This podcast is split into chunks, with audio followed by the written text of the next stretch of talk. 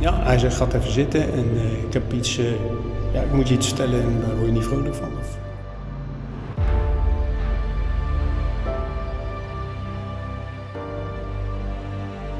Ja, dat was de zwartste dag uit mijn carrière, kan je wel zeggen.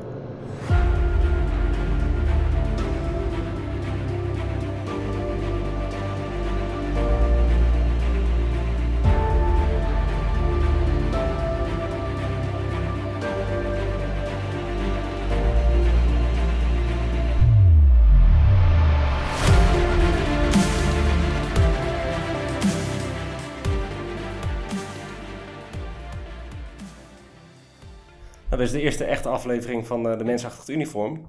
Spannend?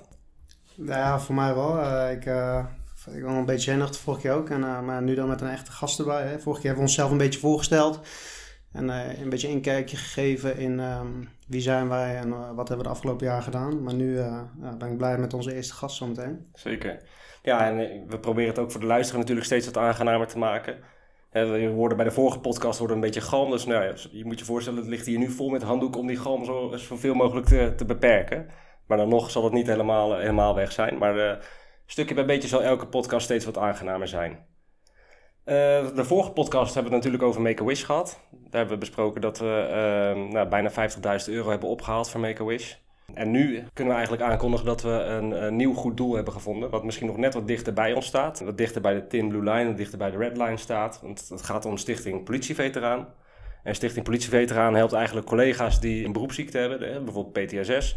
Of die om, een andere reden uh, niet lekker op het werk lopen. Om die toch dichter bij de collega's te brengen. We hebben een stuk van uh, Staatsbosbeheer gekregen. Daar gaan die collega's, die zijn bijvoorbeeld die bossen aan het snoeien. Uh, nou ja, dat is een hele rustgevende manier. Maar stel je voor dat de collega zegt: ik doe vandaag niet mee. Uh, nou, de Stichting Politie Veteraan heeft aangeboden om voor ons dan die collega bijvoorbeeld armbandjes te laten knopen. Dus dat zijn allemaal dingetjes die collega's gewoon even tot zichzelf brengen in een rustige omgeving midden in de bossen. En de Stichting Politie Veteraan heeft daar eh, geld voor nodig. En dat is mede om, ze hebben een clubhuis gekregen van Staatsbosbeheer, maar dat is een heel oud pand. Dat pand dat moet vernieuwd worden. Ja, daar hebben ze geld voor nodig en wij gaan ons daarvoor inzetten. Dus we hebben ook armbandjes.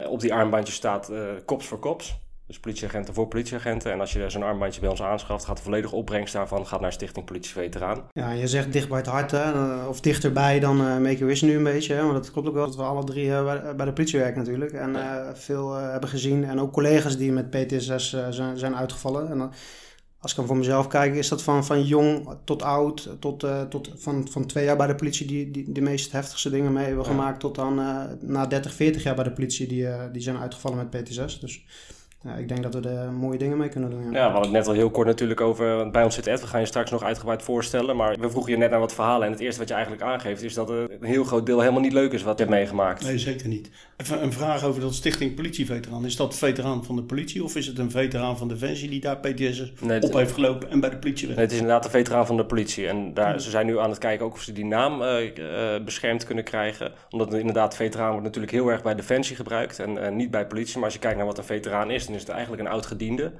Uh, en dat geldt natuurlijk ook gewoon voor, uh, voor hulp, andere hulpverleners, uh, brandweermensen, politiemensen. Dus dat is inderdaad niet per se vanuit Defensie, maar, maar vanuit de hulpverlenersector. Ja. ja. nou ja, je hebt hem inderdaad wel eventjes gehoord, Ed Ruifrok. Wij kennen Ed, omdat we, ja, je, hebt, je hebt mij opgeleid tot MA'er.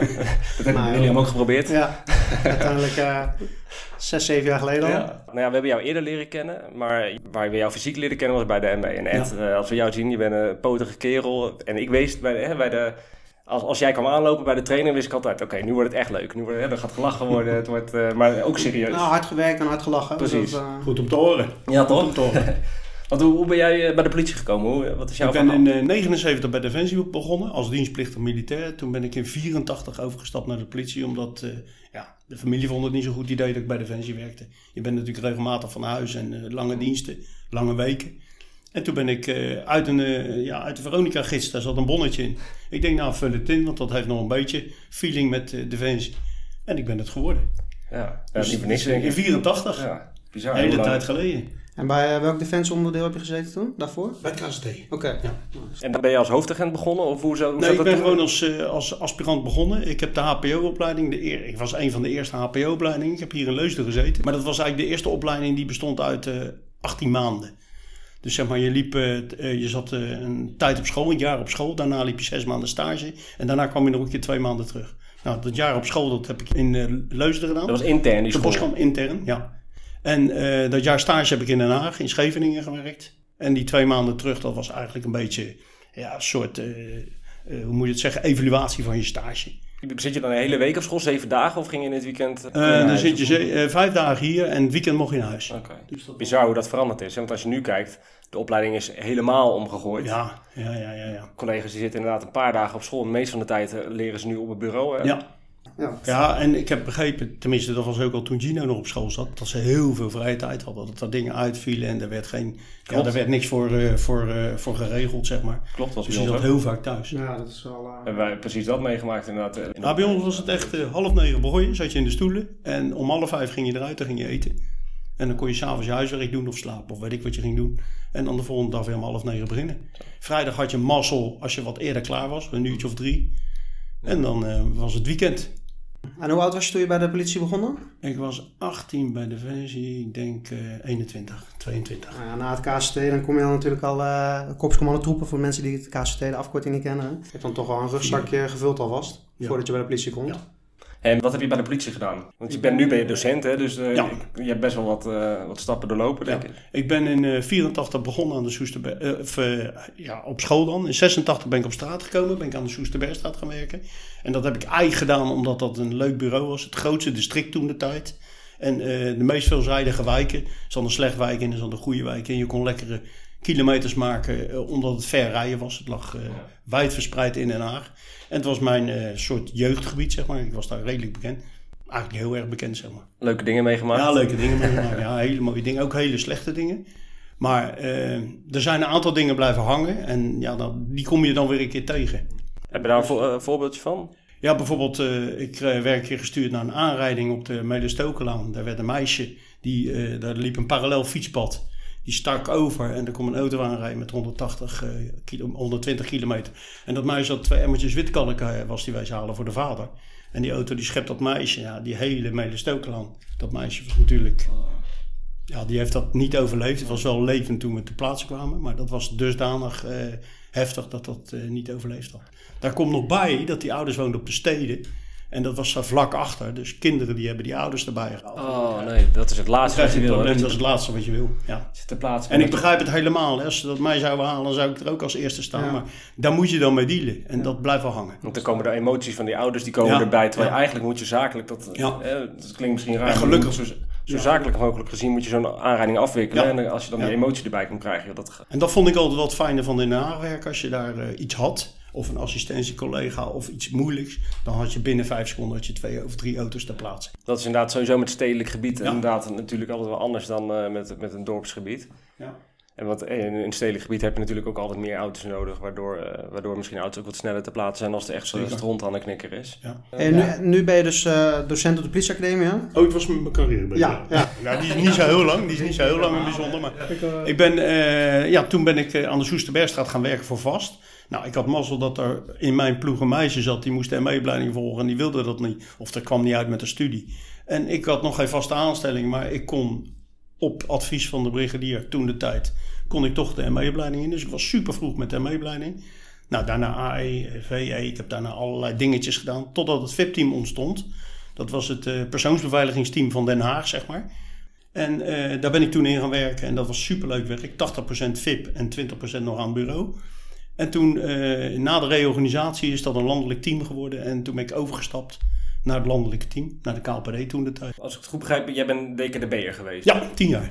Wat zijn mensen die je bijvoorbeeld beveiligd hebt? Eh Selma Rushdie, eh, eh, Clinton, Bush, eh, ambassadeurs, eh, ministers, koningskoppel tijdens de zaken. Ja, dat was geweldig werk. Ja. Echt geweldig werk. En wat was dan jouw taak daar? Eh, ja, dat was afhankelijk van of je was chauffeur, of je was voorverkenning, of je was eh, persoonlijk begeleider. Eigenlijk uh, alles kunnen dan gewoon, toch? Iedereen denkt van eh, het is heel veel afwachten, maar het mooie van het afwachten is dat je ook als hij op een safe house zit, als die veilig zit, dan kan je weg en dan kan je met je team gaan trainen of je kan leuke dingen gaan doen of je kan je eigen vermaken in ieder geval. Maar je weet eigenlijk nooit wat ze... Tenminste, misschien dat je 's ochtends vroeg pas hoort wat je die dag gaat doen. Ja, dat is het nadeel voor thuis was dat wel. Je gaat s'morgens de deur uit en eh, je weet niet hoe laat je thuis komt. Ik heb de Amerikanen beveiligd en die was nogal van de gokkerige. Dus dan gingen we s'avonds laat naar het casino. En dat duurde tot eh, pak een beet twee, twee uur s'nachts. Ja. En dan moest je s'morgens weer om acht uur paraat staan. En dat was wel... En had je dan, tijd. had je dan wel vaste werkdagen of was dat ook altijd... eh, in principe hadden we een rooster, maar daar werd heel veel van afgeweken omdat er heel veel zeg maar, te beveiligen personen bij kwamen. Dus het was best druk en we hadden toen de tijd een team van pak een beetje kleine 100 man. En als je nu gaat kijken is dat geloof ik 4,5, 4,500. Dus ze hebben nu echt eh, ja, maar zeker als je nu ook naar deze tijd kijkt natuurlijk. Er moeten zo ontzettend veel zijn mensen heel veel beveiligd mensen worden. beveiligd. Ja. Ja.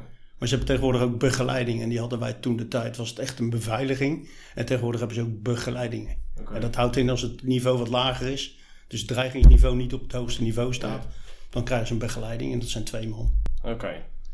En wel echt een heel team altijd erop zitten. En heb je, heb je ook iets meegemaakt waarvan je echt denkt, veel dat, eh, dat is echt het leukste of het grappigste eh, wat, ik, Wat je misschien kan wat je kan herinneren uit je carrière? Want ik, wat ik zeg, je bent nou, als je naar je kijkt, dan ben je een gast die veel lol maakt.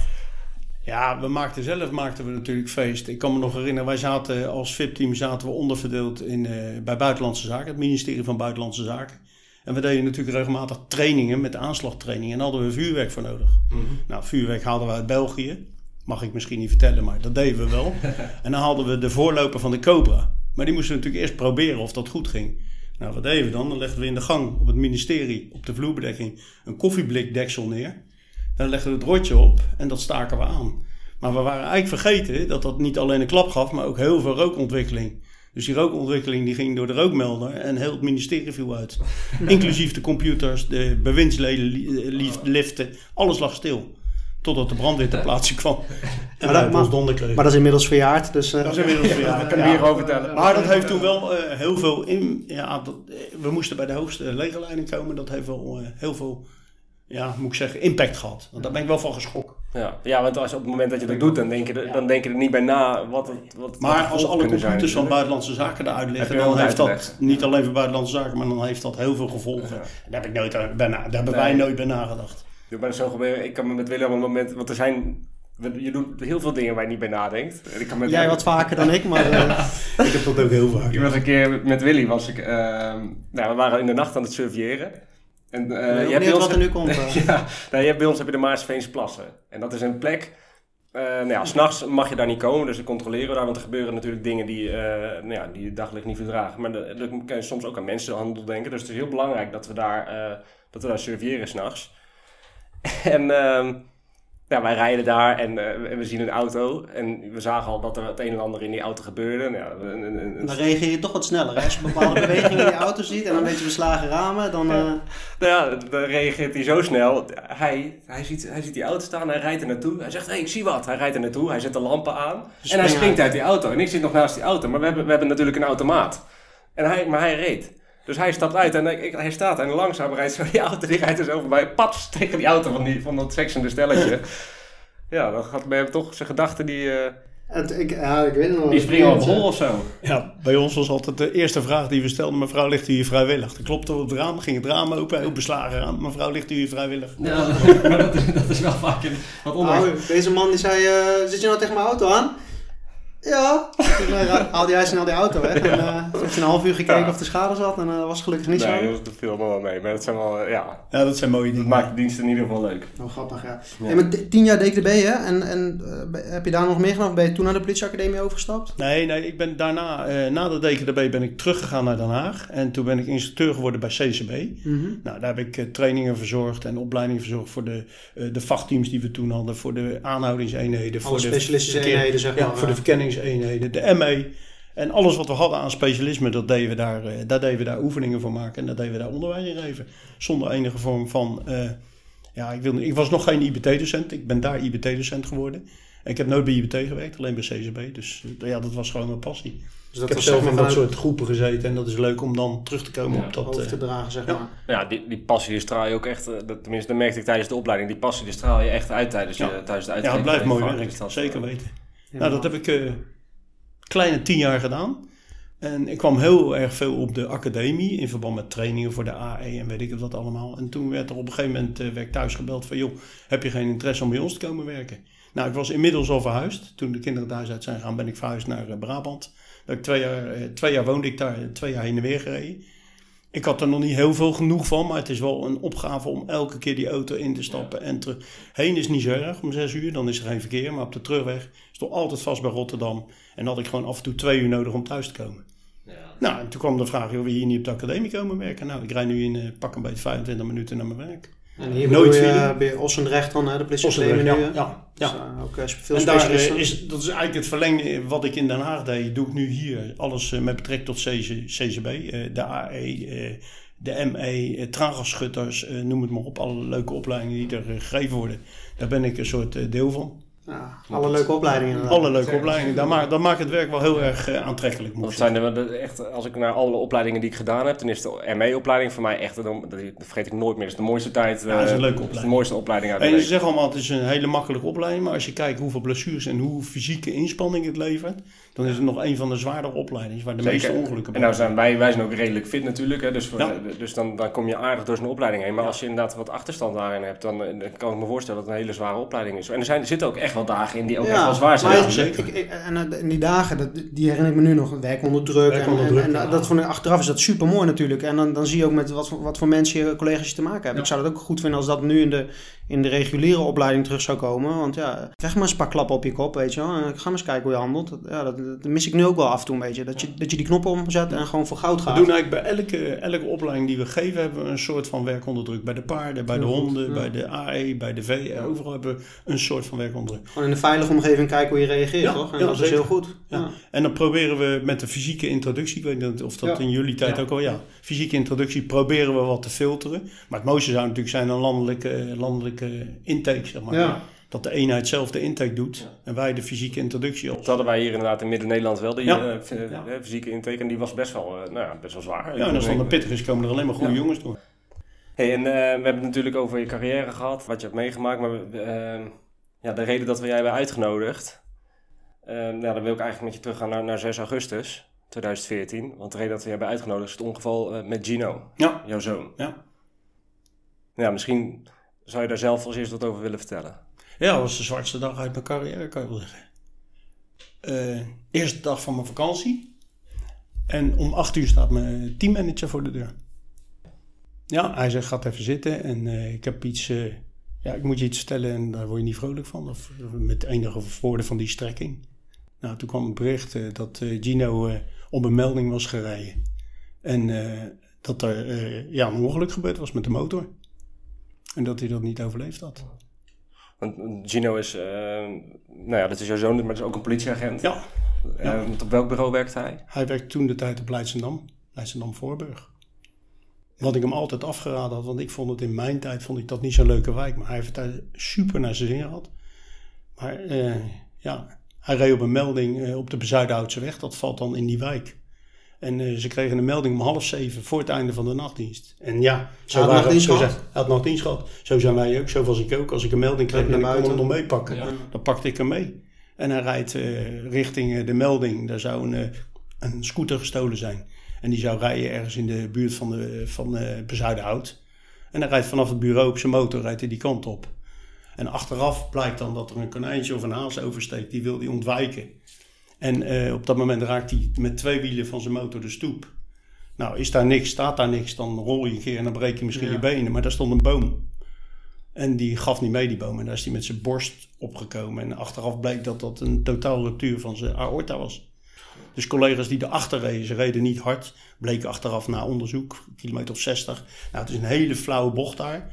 Collega's die erachter reden, die hebben gelijk eh, gereanimeerd. Dus die wisten, dat, eh, men- collega's hebben dat zien gebeuren. ja, die hebben het zien gebeuren. Die reden achter met de auto. Ze reden met z'n drieën, zeg maar, richting, eh, richting de melding. En die collega's hebben hem gereanimeerd. En die wisten op dat moment natuurlijk niet dat dat niet, eh, dat dat niet hielp. Ja, en dat bleek achteraf dat dat... eh, Het was gewoon opslag. was gewoon een opslag. Bizar, hè? Ja. Het gaat er door je heen als, als die... Wat wist je eigenlijk, te- want eh, ik heb heel vaak als wij slecht nieuws, eh, ik heb echt Ja, kippenvel op mijn arm als je dit eh, zo zit te vertellen. Echt Ik heb er wel respect. een brok in mijn keel. Ja, snap ik. Ja.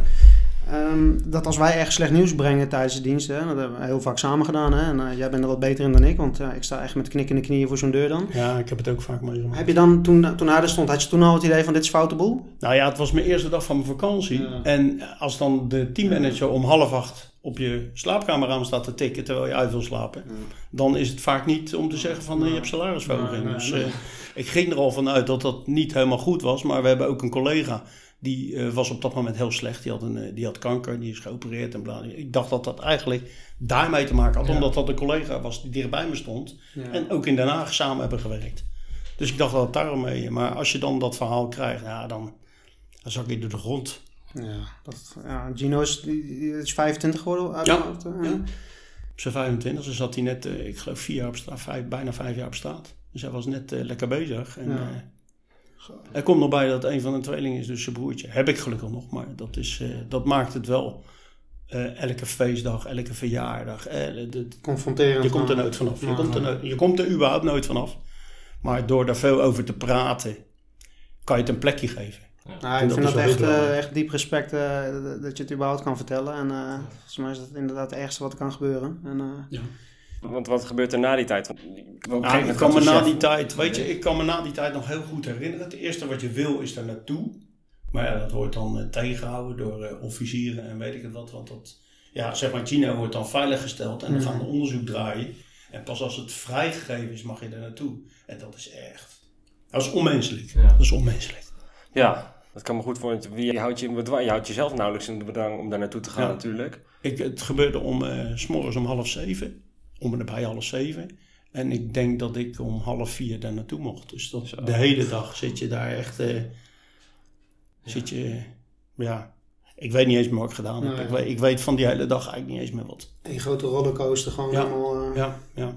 man.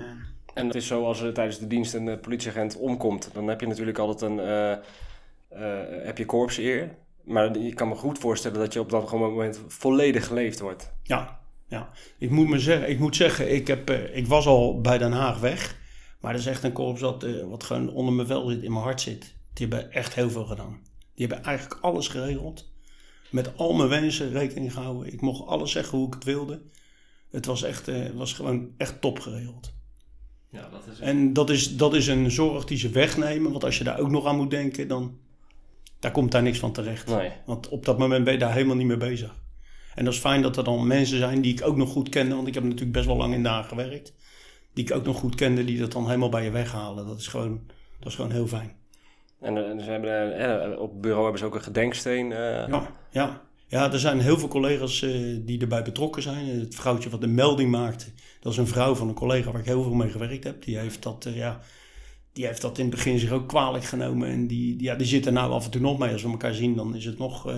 en ik zie er nog regelmatig. Je bedoelt de, de eerste melding van die De gestolen melding brommen? van die gestolen Ja, ja, dus, Dus de ga je melding waarop Gino terug, reed. ja, zo terugdenken van... Ja. eh, ja. Dus die heeft daar heel erg mee gezeten dat zij eigenlijk de melding had gemaakt waaraan Gino eh, kwam te overlijden. Maar ja, dat kan je Dat natuurlijk weet je niemand kwalijk nemen. Dat weet je van tevoren niet. Nee, nee, inderdaad. Dus dat is. eh, maar er zijn heel veel collega's die hebben daar heel lang. En ik wist niet dat iemand in zo'n korte tijd zoveel vrienden en eh, ja, mensen waar die heel innig mee omging kon krijgen. Want dat was echt. Als je de begrafenis ook ziet, waren er ook 1100 man. Ze hebben hele bureaus moeten sluiten om het af te kunnen zetten en om het eh, zeg maar te kunnen laten rijden. Dat is ook wel echt wat, eh, wat de politie, waar de politie een beetje bekend op staat, dat het echt een familie is. Hè? En, Op dat soort, eh, ja, op dat soort gebeurtenissen is het een familie. Ik, heb een, ik heb een foto van jou. Ik vind deze foto zo veelzeggend. Het is echt een hele, ja, het is een hele indrukwekkende foto. Wat gebeurt, er, wat gebeurt er op deze foto? Ja, ik krijg hier eh, de vlag en de, de helm die Gino droeg, eh, krijg ik uitgereikt van zijn bureauchef. En eh, ja, dat. ik heb die dag ook geleefd. Onbewust, denk ik. Want ik weet, sommige dingen weet ik gewoon helemaal niet meer. Maar dit is wel een moment wat altijd, wat altijd bij je blijft. Want dit is echt, op dit moment is, het zo definitief. Nou, ja, dan is het echt. Weet je, dat is, ja, dat is het probleem vaak met begrafenissen. Dan, als het klaar is, dan is het pas definitief. En dat is heel raar, want het gebeurt. En in die dagen, het heeft best wel lang geduurd voordat hij begraven werd, zeg maar. Omdat er nog onderzoeken moeten plaatsvinden en allemaal dingen die, eh, ja, waar ik eigenlijk niet van weet wat, eh, waarom het zo lang geduurd heeft. Maar het heeft best wel lang geduurd voordat hij begraven werd uiteindelijk. moet natuurlijk een hoop geregeld worden als Mhm. korpsheer. Dat was een verzoek. Althans, dat was een verzoek. Ze gaven mij de, de, de keuze. Ja, en ik vind als het een collega gaat, dan vind ik dat altijd dat met zoveel mogelijk respect moet Ja, gebeuren. Nou, nou, wij, wij staan en niks anders is zo respectvol als een Exact. uh, korpsheerbegrafenis. Nee. Dus daar was ik heel erg blij mee. En ik moet zeggen, het is ook een, eh, een, een ja, ik kan niet zeggen mooie dag, maar het is wel een hele goed Eer- verlopende dag ja. geweest. Een eervolle dag. Ja. Ja. Ik zal die foto die zal ik eh, bij ons op de socials zetten. Dan kunnen jullie ook ehm, nou, kijken waar wij het over hebben. Ja, Maar inderdaad, we hebben, we hebben- we hebben een, eh, een, een filmpje gemaakt, een police tribute. Nou, daar hebben we Ja. natuurlijk ook voor, ook voor benaderd. Dat is een paar jaar terug geweest, hè? Ja. vond ik echt, eh, ik heb hem nog steeds, eh, ja, ik kijk hem nog regelmatig. Het is gewoon een super mooi filmpje. Want overal komt, er komt Dat- ook het... als je het dan over respect hebt, dan is dat respect. Ja, toch? Ik- Ik laat hem nog wel eens aan, aan, aan werkstudenten zien die dan bij ons komen. Als ik dan op ben of zo en ik heb de brief ingegeven, dan, dan laat ik soms dat filmpje wel eens erachter zien. En dan, eh, dan kijk ik gewoon wat er in de zaal gebeurt. Hè? En dan, eh, dan is het soms helemaal stil. En dan, eh, Dat is gewoon echt een kippenvel. Ja. moment, ja. Maar Maar- dat is ook als je bij de politie komt werken. Hè? Iedereen heeft het over boeven vangen, eh, mooie dingen meemaken. Maar dit is echt zo ontzettend belangrijk om je Ja. bewust te zijn van, van de risico's van het vak. Want echt, we hebben het over een verkeersongeval. Maar zo'n verkeersongeval krijg je niet als je niet naar een melding hoeft. Nee. Nee. Dus het is zo belangrijk om dat inderdaad ook aan studenten mee te geven. Joh, het is niet allemaal roze geur en maneschijn. nee, je, hoeft ook niet, eh, je hoeft ook niet overal spoken te zien. Hè? Maar het is ook niet dat we, dat, dat we eh, met alle respect eh, bij de scouting werken. En soms word je ergens naartoe gestuurd waar je gewoon moet handelen. En, en je staat er dan, alleen of met je maatje. En eh, ga het maar doen. Ja, ik praat hier natuurlijk regelmatig met de collega's over, omdat praten, dat is gewoon, dat is de oplossing. En dat is ook je redding, denk ik. Maar daar heb ik, eh, ik ben in 86 op straat gekomen. En ik had de eerste week dat ik op straat kwam, had ik mijn eerste zelfmoord van een collega al. Ik denk dat ik in die tijd ook bij de politie in de Haag werk, dat ik er gewoon tien heb gehad. Van, collega's. Ja. En eh, van de tien zijn er dan misschien vier die ik van dichtbij ken. Mhm. Maar dat heeft wel heel veel impact. En dat is het probleem. Als er wat heftigs gebeurt, waardoor het druppeltje in je Ja. emmer het laatste druppeltje is, dan krijg je alles terug. Ja, en daarom is nu, want ik zeg inderdaad vaak met. ehm, hè, want heel veel collega's willen graag overal bij zijn, alles zien. Alle, terwijl ik geef, ik zeg in het begin ook hoor, natuurlijk heb, heb Dat hebben we ik zelf ook gehad. Tuurlijk. De eerste Ja, jaren. maar ik, nu, joh, ik geef nu als tip mee, joh, doe het niet joh, want alles gaat een laatje in en je weet nooit wanneer dat Ja. laatje weer open gaat. je, dat is een hele goede komt het gewoon, Als je het niet hoeft te zien, dan... eh, blijf gewoon weg. ja. Dat Ja. is echt onze, onze Ja, advies. het mooiste is als je ergens naartoe gestuurd wordt en je niet betrokken hoeft te raken, doe het dan ook niet. Nee. Dat, is, dat is het goede, de beste tip die ik Ja. kan geven. Want het komt Ja. vaak, ga je bepaalde zaken zo ontzettend vaak nog Ja. meemaken. Ja. Dus dan, kan je, als het even een keer niet hoeft te doen, dan moet je het ook vooral inderdaad eh, gewoon lekker overslaan als, dat, als Zeker die waar. mogelijkheid er is. Ja, en ik denk ook dat eh, een nieuwe ontwikkeling, nou ja, noem zo'n stichting politieveteraan, dat zijn echt wel middelen die nu in deze tijd, en dat had je vroeger natuurlijk allemaal niet, en vroeger werd er denk ik ook veel minder gepraat over... eh, Ja, ik kan me nog herinneren dat ik mijn eerste, eerste verhanging had. Ja. Dan was het gebak trakteren. Ja, het is heel liguber. Maar dus zo ging dat bij ons. Eh. Ik kwam aan het bureau, je had je eerste verhanging. Want ja, je bent nieuw eh, gebak trakteren. nou, dat, Dat is echt... eh, en tegenwoordig is dat beter geregeld, hoop ik. Daar Ja, ga ik nou ja. vanuit. zeker. zeker. ik Als ik Gino zo hoor toen hij nog werkte, dan was dat eh, maatschappelijk werk, dat zat er goed in. En, eh, Nee, ik moet, want als, ik, als, ik, als je het over verhangingen hebt, ik kan mijn eerste verhanging herinneren. Nou, ik heb er echt niet lekker van geslapen. Want dat, dat beeld, want het ging om een, om een jongere vrouw. En dat, dat beeld, dat, gaat, dat ging gewoon de eerste week gewoon niet weg, joh. En het enige wat bij mij hielp, is inderdaad gewoon tegen mensen zeggen dat, ik, dat, dat je dat beeld gewoon ziet. Want ja, wat er bij een verhanging gebeurt, soms moet je, je moet, nou ja, ik moest het ook in dat geval, moest ik helpen haar eh, van de touw af te halen. En ja, Ja. vervolgens moest ik haar op bed leggen. Eh, niemand mocht die woning in. En ik zat in mijn eentje bij haar, in dat, terwijl zij in het bed lag, eh, daar, daar te wachten. Ja, dat heeft was- impact. Ja. Nou ja, ik, ik, ik zag dat beeld gewoon de hele tijd voor me. En op een gegeven moment, nu kan ik er heel makkelijk over praten, want het doet, het doet me nu ook niks. Maar ik, eh, in het begin had ik best wel, eh, nou ja, dat ik best wel dat, dat, dat constant terugzag. En dat is misschien wel een redding voor jou. Want weet je, ik deed alle dingen die ik meemaakte, die, ja, daar, daar praten we eigenlijk niet over. En dat stopte je weg. Maar op een gegeven moment, dan kan dat natuurlijk niet meer. Want dan is net wat je zegt, dat laadje vol. Ja, En dan gaat dat laadje openstaan en dan komt er, eh, komt er een gedeelte uit. dan ben je te laat. Nou, en dit van Gino was denk ik bij mij net de druppel die, eh, die het emmertje over liet lopen. En dan krijg je ineens alles terug. Maar dan ook echt alles. En gewoon filmen. Hoe, maar hoe eh, ga je daarmee om? Hoe heb je dat zelf?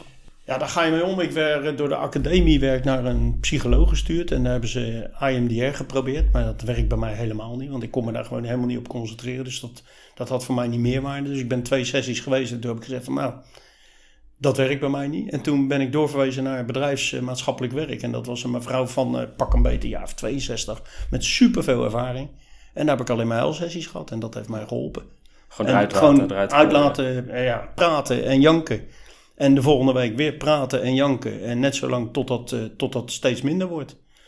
Nou, je merkt aan mijn praten nu dat als ik erover praat, dan heb ik nog steeds een brok in mijn keel. Maar ja, dat kan ook niet anders. Nee.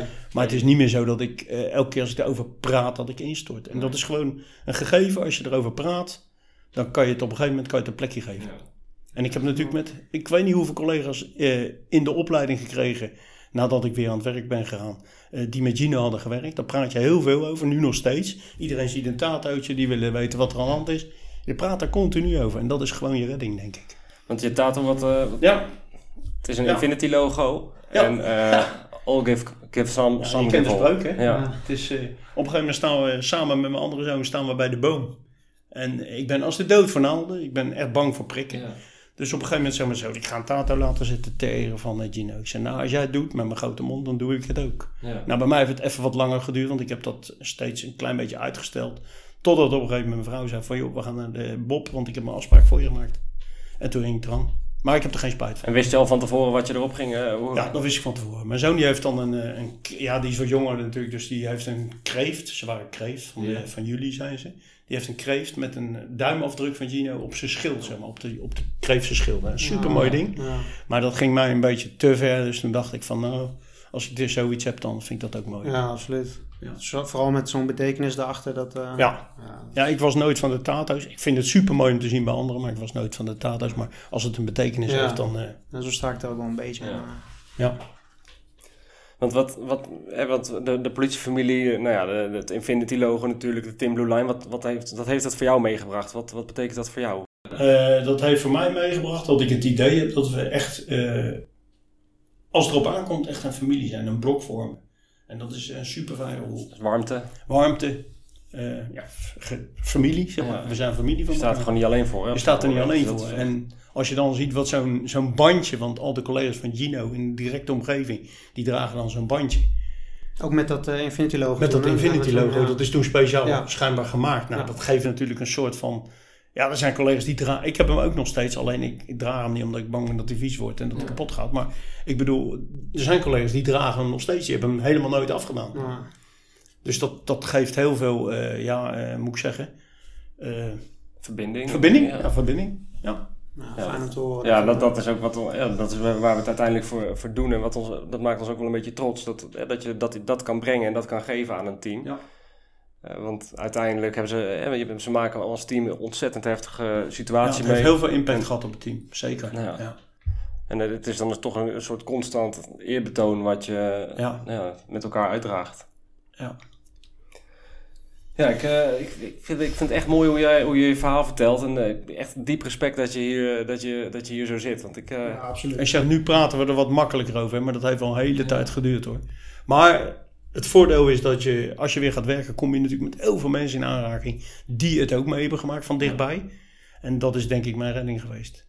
En er thuis gewoon veel over praten. Ja, dat, eh, Ja, nou ja, dat, is, dat is denk ik vooral inderdaad ook wat we aan studenten meegeven. Joh, eh, als je ergens mee zit of eh, ook als thuis niet lekker, lekker ja, loopt. Hè, stel je voor dat je thuis een situatie hebt.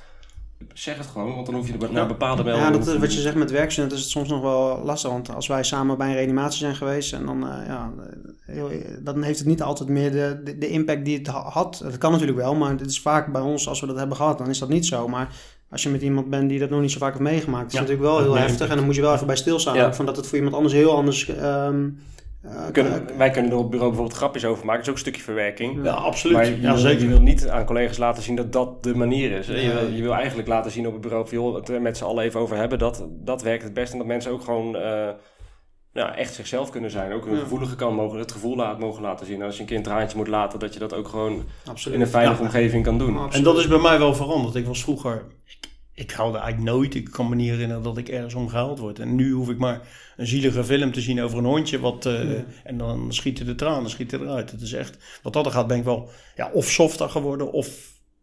Ik weet het niet wat het heeft gedaan, maar het heeft wel wat gedaan. Ja, ik, wat dat betreft is dat denk ik ook een, een mooie boodschap om mee te geven aan collega's. Hè. Laat, laat gewoon jezelf zien. En ehm, Ja, wees niet bang om te, te huilen en eh, erover te praten. Ja, zeker, dat is een hele goeie. Ik denk dat dat ook een mooie, mooie afsluiting is voor vandaag. Ja. Ik, uh, nou ja, voor jou nogmaals echt diep respect dat je hier je verhaal wilde doen. En uh, hartstikke bedankt dat je, dat je wilde komen. Ja, absoluut. En ik hoop echt dat ik nog een keer uh, een lesje van je krijg. Of ik kom een keertje mee op dienst. Want, dat uh, ongetwijfeld als je hier me... voor een groepscommandant terugkomt of voor een andere eenheid. Nou, misschien is dat bij hem niet zo heel uh, om te gaan doen. Maar uh, misschien voor de, voor de Kadi of weet ik, weet niet of daar op de Kadi is de, is de, de snackauto binnen, nou, misschien binnen de wel, ME. Nou, misschien weer wel gaan aaien of weet ik wat. Nee, ja, ik ben wijkagent. Dus dat, oh, uh, wijkagent, ja, ja, dat ik, meer dan, dan ME. Ik mag al blij zijn dat ik met de ME mee mag. Ja, zeker. Dat, ah, en met ME maak je het ook mee, hè? Nee, zeker, joh. Ik vind de ME-diensten de leukste, de leukste diensten vaak, joh. Want het is en gezellig in de bus en je, je moet er staan. Als je, de, als je er moet staan, dan sta je er ook met z'n allen. Ja. Je uh, komt overal. Je komt inderdaad door het hele land. Dus wat dat betreft zit ik uh, nu gebakken. Uh, voor de volgende podcast ja, wil ik jullie in ieder geval allemaal vragen om gewoon weer te luisteren. En ik denk ook dat juist doordat jullie luisteren, dat, dat we samen dat gevoel ook aan verbinding kunnen bijdragen. Um, ik wil ook nieuwe gasten die dit verhaal hebben gehoord en die denken, veel, ik heb ook een verhaal wat ik graag wil delen. Nou ja, kom vooral bij ons op de lijn. En dat kan zijn als je brandweerman bent of ambulancepersoneel of een, inderdaad politieman. Laat het vooral aan ons weten, want uh, ja, wij vinden dat deze verhalen gedeeld moeten worden. En uh, dat we op deze manier samen kunnen bijdragen aan de verbinding. Jongens, bedankt allemaal. Jullie ook bedankt. Mocht je deze podcast nou waarderen, uh, vergeet hem dan vooral niet door te sturen naar jouw collega's, vrienden of familie. En wat heel belangrijk voor ons is, is dat je een recensie achterlaat. Dus daar zouden we heel dankbaar voor zijn. Het filmpje, de Dutch Police Tribute, waar we het eerder in deze podcast over hadden, is te vinden op YouTube. Toetsen in Thin Line Bracelets en Dutch Police Tribute en dan ga je hem helemaal vinden. Super indrukwekkend filmpje. En de bijzondere foto waarbij Ed de helm overgedragen krijgt van Gino, die is te vinden op onze socials. Dat is Thin Line Bracelets op zowel Instagram als Facebook. En als laatste wil ik nog meegeven dat het armbandje Thin Blue Line armbandje Cops for Cops, waarvan de volledige opbrengst gaat naar Stichting Politieveteraan, te vinden is op onze website www.thinlinebracelets.nl.